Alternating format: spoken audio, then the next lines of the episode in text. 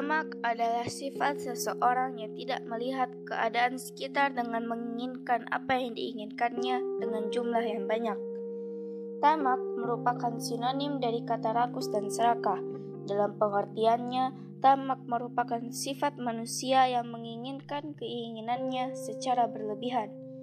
Tamak adalah perbuatan yang tercela atau perbuatan yang tidak terpuji. Kita sebagai manusia Seharusnya kita tidak boleh memiliki sifat tamak. Manusia adalah makhluk sosial yang tidak dapat hidup tanpa bantuan orang lain. Orang yang tamak biasanya mengacuhkan orang dengan sebelah mata.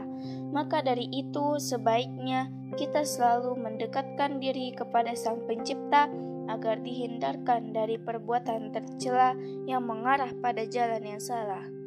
Penyebab tamak setidaknya ada dua, yaitu satu, memandang harta sebagai jiwa kehidupan, atau hartalah segala-galanya dalam hidup ini.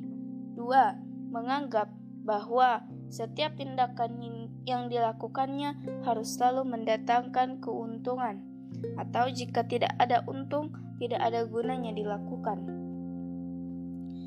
Nah, sobat sharing ilmu, kita bisa menghindari sifat tamak dengan meneladani sifat kesederhanaan Rasulullah Shallallahu Alaihi Wasallam. Beliau tidak pernah menyisakan harta di rumahnya kecuali untuk membayar utang.